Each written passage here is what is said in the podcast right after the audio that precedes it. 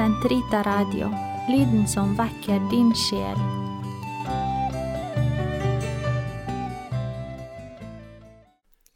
Karmels hage, episode 38 Elisabeth av treenigheten, del 1 La oss miste oss selv i den hellige treenighet, i den Gud som kun er kjærlighet. La oss bli båret av ham til de himmelske saler, der bare Han er, bare Han. Be om at vi skal bli hellige, slik at vi kan elske ham med den kjærligheten som helgenene elsket ham med. La oss være forenet ved korsets fot og være helt stille sammen med den guddommelige korsfestede og lytte til ham. Han kommer til å avsløre sine innerste hemmeligheter for oss. Det er Han som skal føre oss til Faderen. Hvem er det som skriver dette?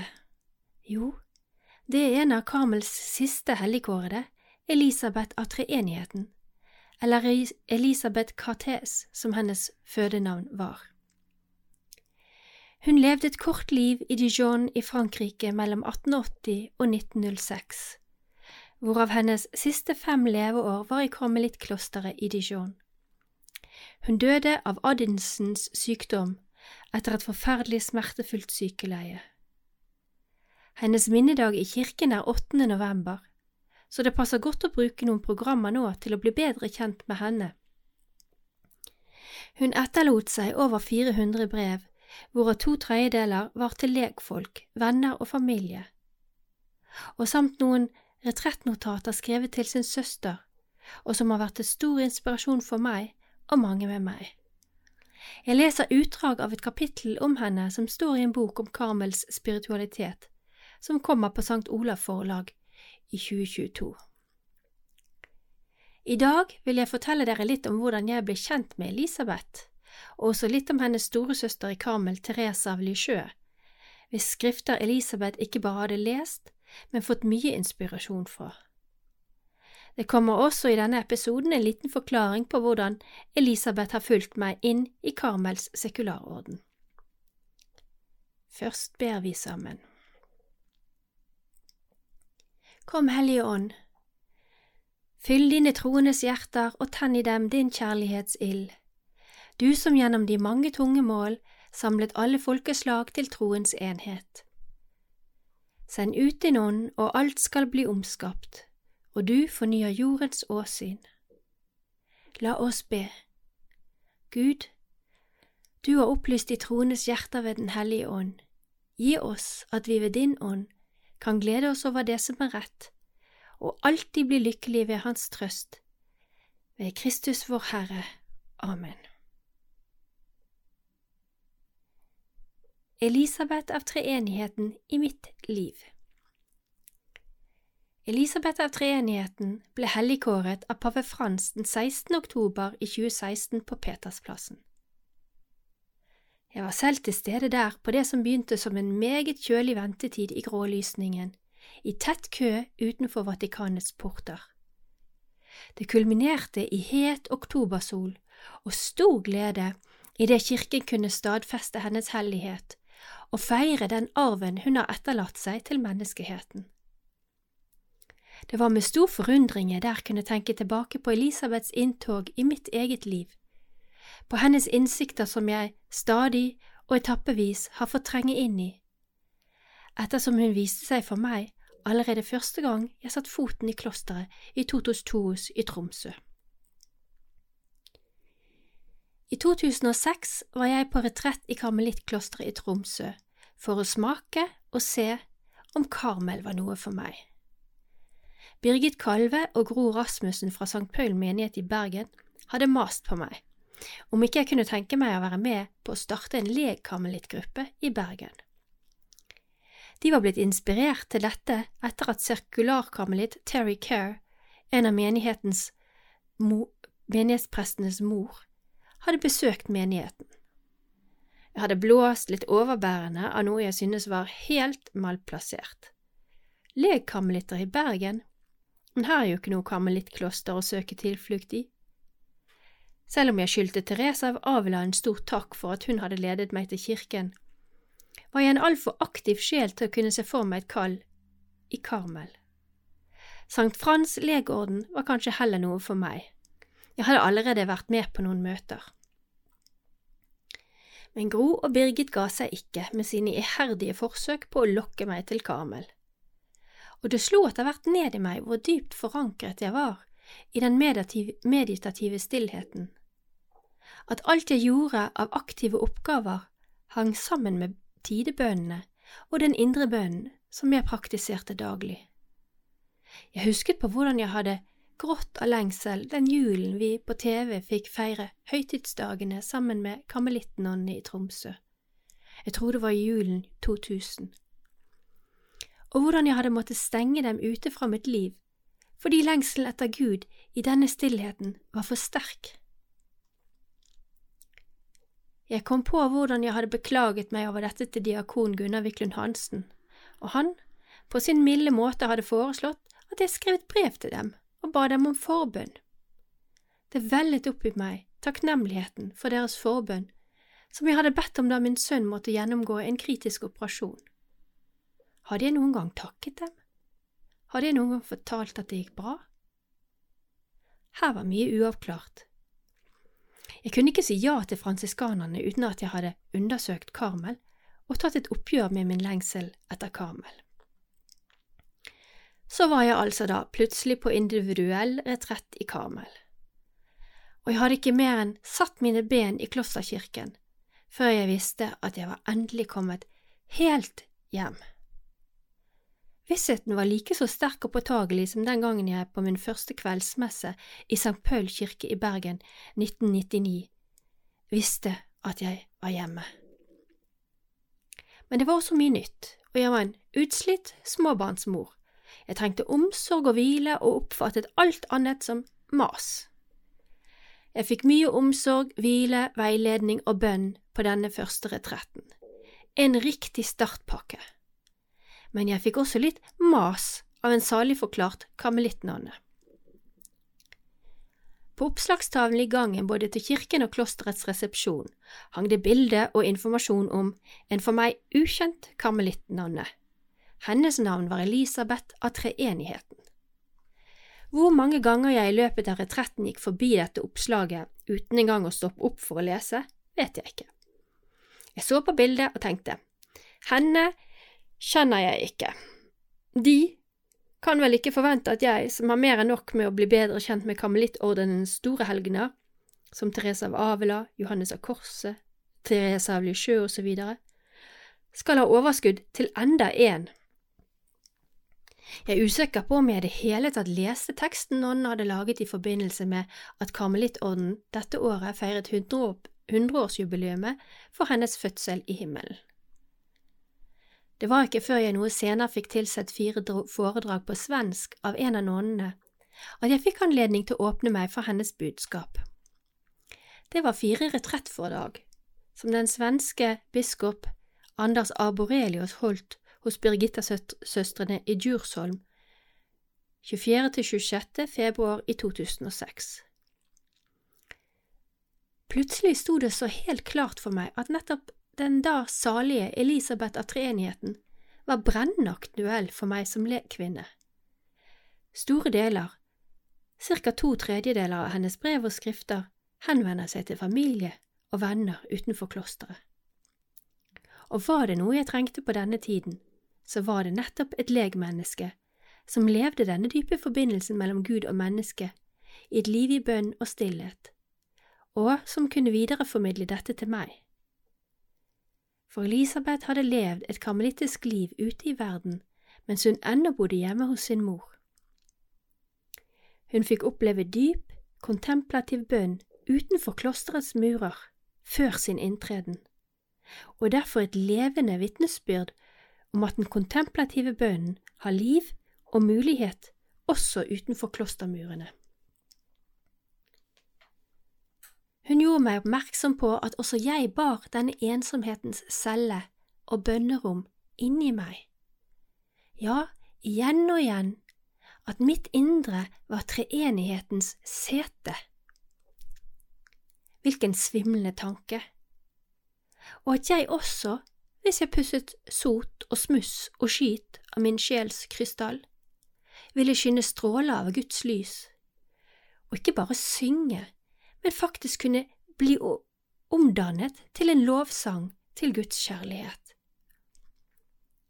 Med sine kjærlige og omsorgsfulle brev til sin søster som tok seg av sine små barn, var det som om hun skrev også til meg, en småbarnsmor med stadig mer eller mindre konstant følelse av å være helt utslitt og stadig på etterskudd i bønnen.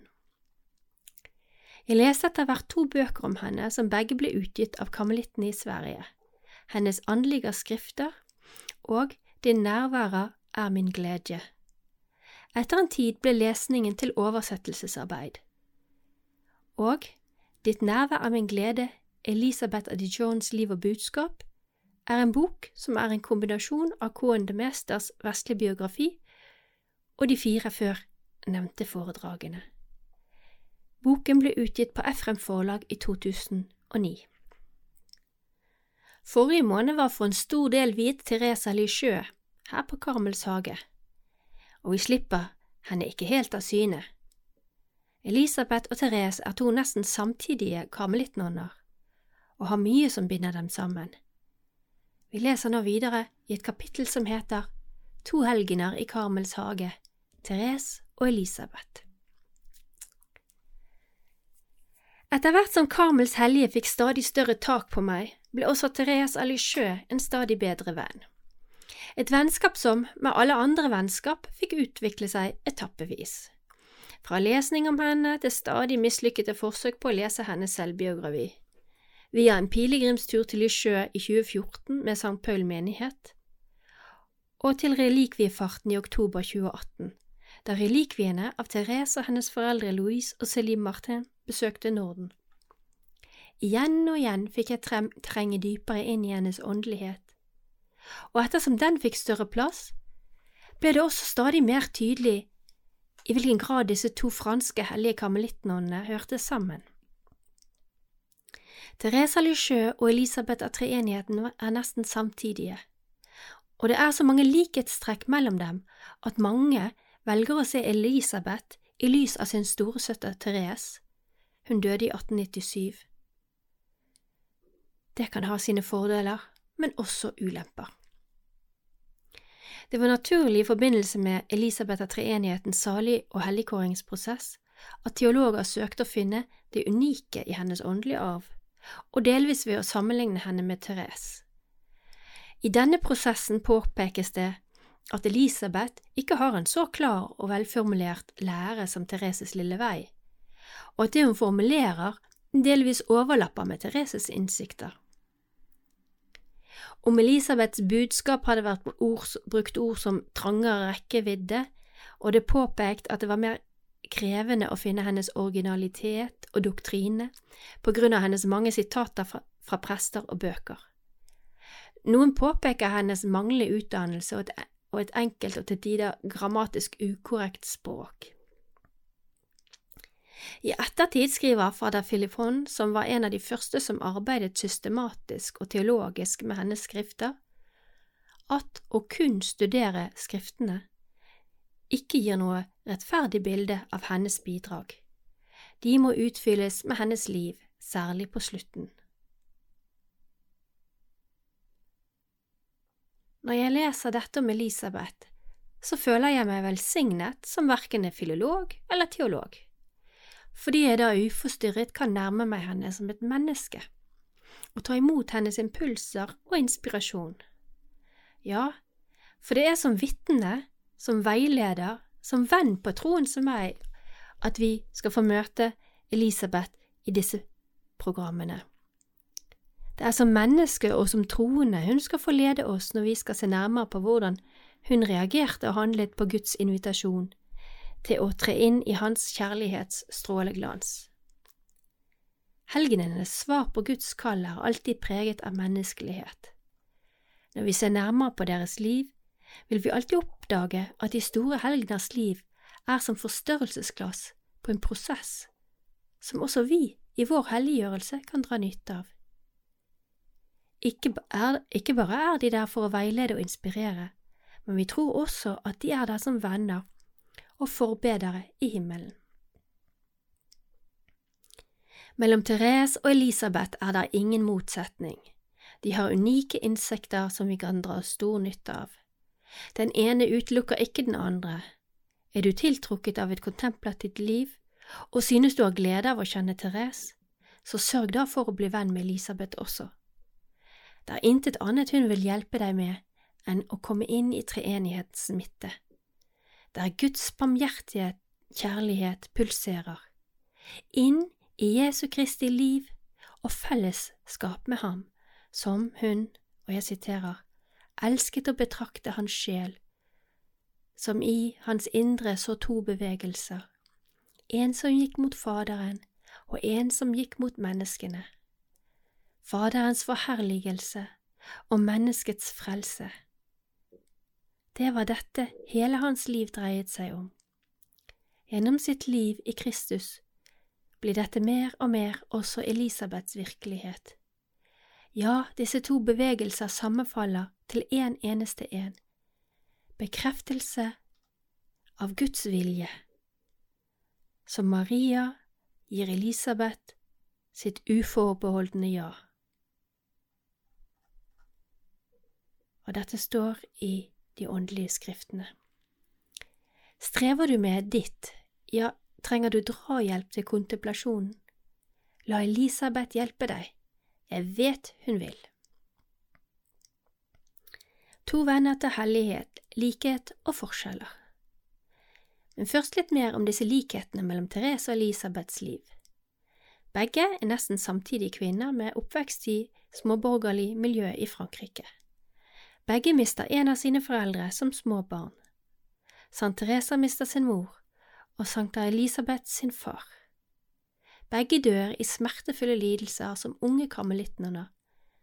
Therese sin alder er 24 og Elisabeth 26 år gammel. Allerede i meget ung alder nærer de et inderlig ønske om å gi seg fullstendig til Herren gjennom et liv i karmelittorden. Begge har skjellsettende opplevelser av forening med Jesus allerede ved sin første kommunion. Begge møter motstand, begge er små og ikke påfallende synlige i sin samtid, verken i klosteret eller utenfor. Begge er ulærde, med sporadisk skolegang og uten formell teologisk utdannelse. Men de etterlater seg liv og skrifter som lærde og ulærde kan hente næring fra. Med andre ord lysende eksempler på den Kristi etterfølgelse som finner sted i det små det stille og i det skjulte, men som bærer rik frukt i verden. De er karmelittiske varemerker. I begge disse to møter vi også et langt kommet møte med og forsoning med lidelsen. Ja, så går en lengsel i forkant etter å få lide med Kristus. Ingen av dem trenger å påføre seg selv bot og lidelse, slik det kunne være en tradisjon for i et jansenittisk Frankrike. Men de får den tildelt i kraftig monn, og mer enn man med menneskelige øyne kan tenke seg at det er mulig å bære. Og akkurat her, i dette grenseland, er det at helligheten får utvikle seg til to vakre, men også forskjellige blomster i Karmels hage. Sammen med Santa Therese er det først og fremst kjærligheten som farger hele Elisabeths tilværelse. Fra hennes åndelige forlovelse etter kommunionen, knapt 14 år gammel, ser vi at den blir stadig mer oppslukende i hennes liv. Hun forteller selv. Jeg var nesten 14 år da jeg under takksigelsen følte meg drevet av en uimotståelig kraft til å velge ham som min eneste brudgom Uten å vente forbandt jeg til meg til ham med jomfruløftet. Vi sa ingenting til hverandre, men vi ga oss til hverandre med så stor kjærlighet at min tidligere avgjørelse om å være fullt og helt hans ble enda mer absolutt. Det er denne kjærligheten som hennes hjerte fylles av i bønnen når hun åpner seg, tar imot og trer inn i Faderens vilje. Den rønner over i takksigelse og lovsang, som hun noen gang setter ned på papir. Det er erfaringen av Guds utsigelige kjærlighet, Den hellige treenighets nærvær, som gir liv til alt det man i dag kan se på som hennes spesielle karisma. Det er i denne store, omformende prosessen, der Elisabeth gradvis ledes inn i Karmel, at hun møter Teresa Lisieux skrifter for første gang, og bergtas av disse. Allerede som 17-åring introduseres hun for det ennå upubliserte førsteutkastet av Teresa Lisieux En sjelhistorie, av priorinnen Maria av Jesus i Carmel Dijon. Dette ble vendepunktet i hennes åndelige liv, hvor alt utkrystalliserte seg, og hun forsto hvordan hun skulle svare på det Gud gjorde i hennes hjerte. Elisabeths åndelige arv bygger på og overlapper altså med Thereses. Samtidig har hun en klart, klar og tydelig egen karisma. Ikke minst blir, som tidligere nevnt, hennes navn av treenigheten et sentralt fokus for henne. Det er også store forskjeller mellom de to i Lynne. Mens Therese dro til Roma for å snakke med pave Leo den 13., da hun møtte motstand mot sin inntreden i klosteret, forble Elisabeth hjemme og overgitt da hennes mor motarbeidet hennes ønsker om å få tre inn i Carmel Dijon. Der hun fra værelset i Ro Prieur de la Crotte kunne se en flik av hagen hvor nonnene arbeidet. Hun gjorde ikke opprør selv der moren nektet henne å gå til messe i Karmel og snakke med sin sjelfrende priorinne moder Maria av Jesus. Ei heller lot hun seg rokke da hennes mor kom hjem i strålende humør og kunne fortelle henne at hun hadde fått et fantastisk tilbud om ekteskap for henne. Et tilsvarende godt tilbud ville hun aldri få igjen. Elisabeth forholdt seg rolig og overgitt, og til tross for at hun ikke godtok noe ekteskapstilbud, avfant hun seg likevel med at hun kanskje aldri skulle få bære Karmels drakt, og måtte derfor leve sitt karmelittiske liv i verden, for å pleie sin syke mor, med hjertet som sin celle. I denne uavklarte ventetiden deltok Elisabeth lydig i de selskapeligheter hun ble invitert til. Hun dyrket sitt pianospill, hun var en meget habil pianist, og var en populær og omsorgsfull kateket for barna til arbeiderne ved den lokale tobakksfabrikken. Samtidig var hennes hjerte stadig mer overgitt Gud, i kontinuerlig og kjærlig oppmerksomhet. Man observerte henne på festligheter, og ikke få la merke til hennes blikk, et blikk som tilhørte de himmelske saler, og ikke den ballsalen hun danset i. I denne tiden fikk hun også erfare dyp, mystisk forening med Herren. Hun ble veiledet av ord fra ham i dypet av sin sjel, og hun opplevde det, hun opplevde det som hun selv kaller ekstaser, allerede tidlig i 1899, 18 år gammel. Dette skjedde under og i kjølvannet av en retrett hun tok del i. Fordi hun selv levet Karmels liv i verden i så mange år, står hun i en særstilling når det gjelder å veilede lekfolk inn i et dypere trosliv. Hennes vakre i hermetegn testamentet, som heter Himmel i tro, er skrevet ene og alene til hennes søster Marguerite, som da Elisabeth døde var gift og mor til to barn. Travle småbarnsmødre kunne også finne tid til kontemplativ bønn, fem minutter her og 15 minutter der. Elisabeth omdannes etter hvert i sitt kloster gjennom nestekjærlighet, hardt arbeid, bønn og overgivelse til en stillhetens sjel som ønsker å være en lyre i Den hellige ånds hånd, for at han skal kunne spille guddommelige akkorder på den. Den vet at lidelsens streng lyder enda vakrere og ønsker derfor å ha den på sitt instrument, for enda mildere å kunne røre ved sin himmelske fars hjerte. Dette er sitat fra Elisabeth selv. Mot slutten av hennes liv er det lidelsens streng Herren spiller på. Hun døde 26 år gammel av Addisons sykdom, som det på den tid ikke var behandling for, og som mot slutten gjorde hele hennes indre til et eneste blødende sår. Midt i perioder av dødsangst og ulidelig smerte er det at hun overrekker menneskeheten de vakreste juveler. Noen av disse skal vi nok sitere senere programmer. Men ikke la det bli med bare disse programmene. Søk hennes skrifter. To forskjellige oppdrag, ett mål.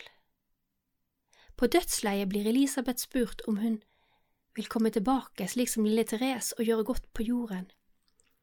Hennes spontane svar var i første omgang Å nei, det tror jeg ikke.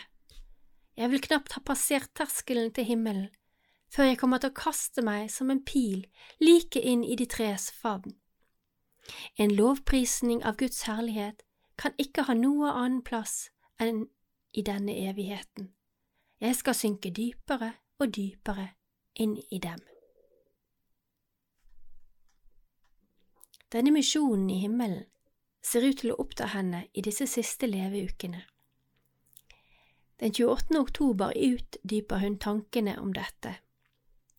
Jeg tror at mitt oppdrag i himmelen skal være å påvirke sjelene ved å hjelpe dem å befri seg fra seg selv og slutte seg tett inntil Gud, i fullstendig kjærlighetsfull oppmerksomhet, og å bevare dem i stor indre stillhet, slik at Gud kan sette sitt preg på dem og forvandle dem i seg. Elisabeth ser ikke på døden som en atskillelse, snarere ser hun på himmelen som en enda dypere forening med dem hun elsker, og som hun allerede har vært så forenet med i sine stille og jo overgitte bønn. Hun skriver om dette til madame Allot du vil være veldig til stede for meg der, og min lykke vil vokse når jeg kan gå i forbund for deg, som jeg elsker så høyt. Elisabeth skal elske så mye mer når hun kommer til himmelen. Det får vi bekreftet i hennes aller siste brev, diktert og underskrevet kun med et kors fra hennes skjelvende hånd. Der skriver hun til Charles Allot, hennes kjære lille bror, som hun kaller ham, og ber ham rope på henne om hjelp fra himmelen. Når jeg er nær Gud, da må du samle deg i bønn, og vi skal møte hverandre på en mye dypere måte. Jeg lar deg få en liten medaljong fra min rosenkrans. Bær den alltid på deg til minne om din Elisabeth, som vil elske deg enda mer i himmelen. Hellige Elisabeth av treenigheten, be for oss.